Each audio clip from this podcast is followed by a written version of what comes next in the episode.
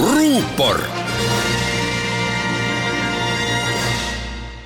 tere, mina olen ajakirjanik Ainar Ruussaar. Eestis valmis järjekordne põhjalik uuring selle kohta, kuidas siin elavad eestlased, siin pikka aega elanud venelased ja nüüdsed uussisserändajad peamiselt Euroopa Liidu välistest riikidest omavahel hakkama saavad.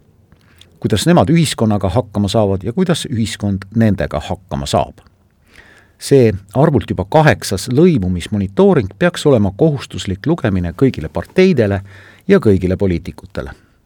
eriti enne kohalikke valimisi, millel saavad valida kõik kuueteistaastased alaliselt või pika elamisloaga Eestis elavad inimesed.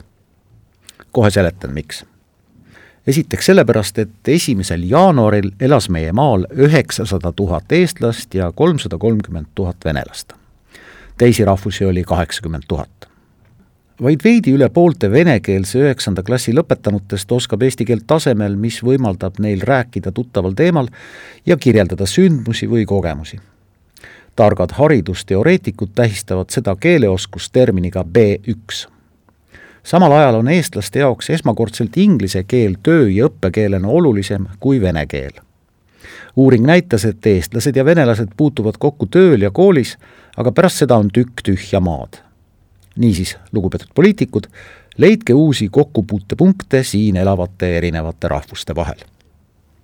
teiseks, miks püsib massiline kodakondsusetus Eestis veel kolmkümmend aastat peale iseseisvuse taastamist ja selle taotlemine on viimastel aastatel aeglustunud ja pooled nii-öelda halli passi inimestest ei soovigi kodakondsust?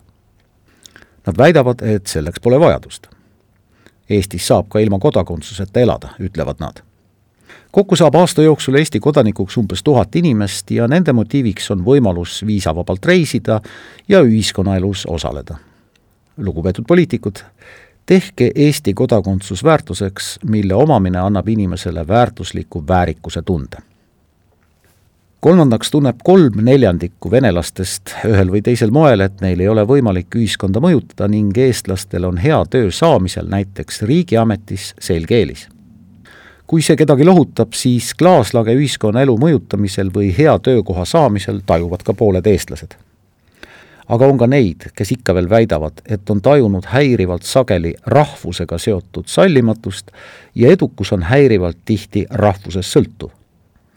kõnelege rohkem venelastega ja kõnetage rohkem ka uussisserändajaid kolmandatest riikidest, kes soovivad enda elu siduda Eestiga natukene kauemaks kui õpinguteks või korraks tööle tulemise ajaks aga tehke seda niimoodi, et Eestis pikalt elanud venelased ei tunneks ennast uussisserännanute kõrval taas tõrjutuna.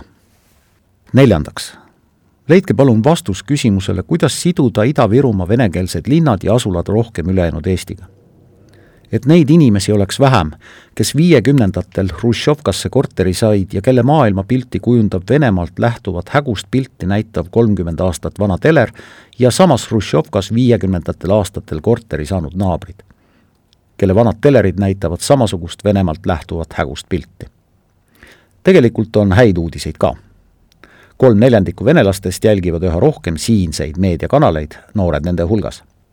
see on üks võimalus. sest Eestis elab üheksasada tuhat eestlast ja nelisada tuhat teistest rahvustest inimest. ruupor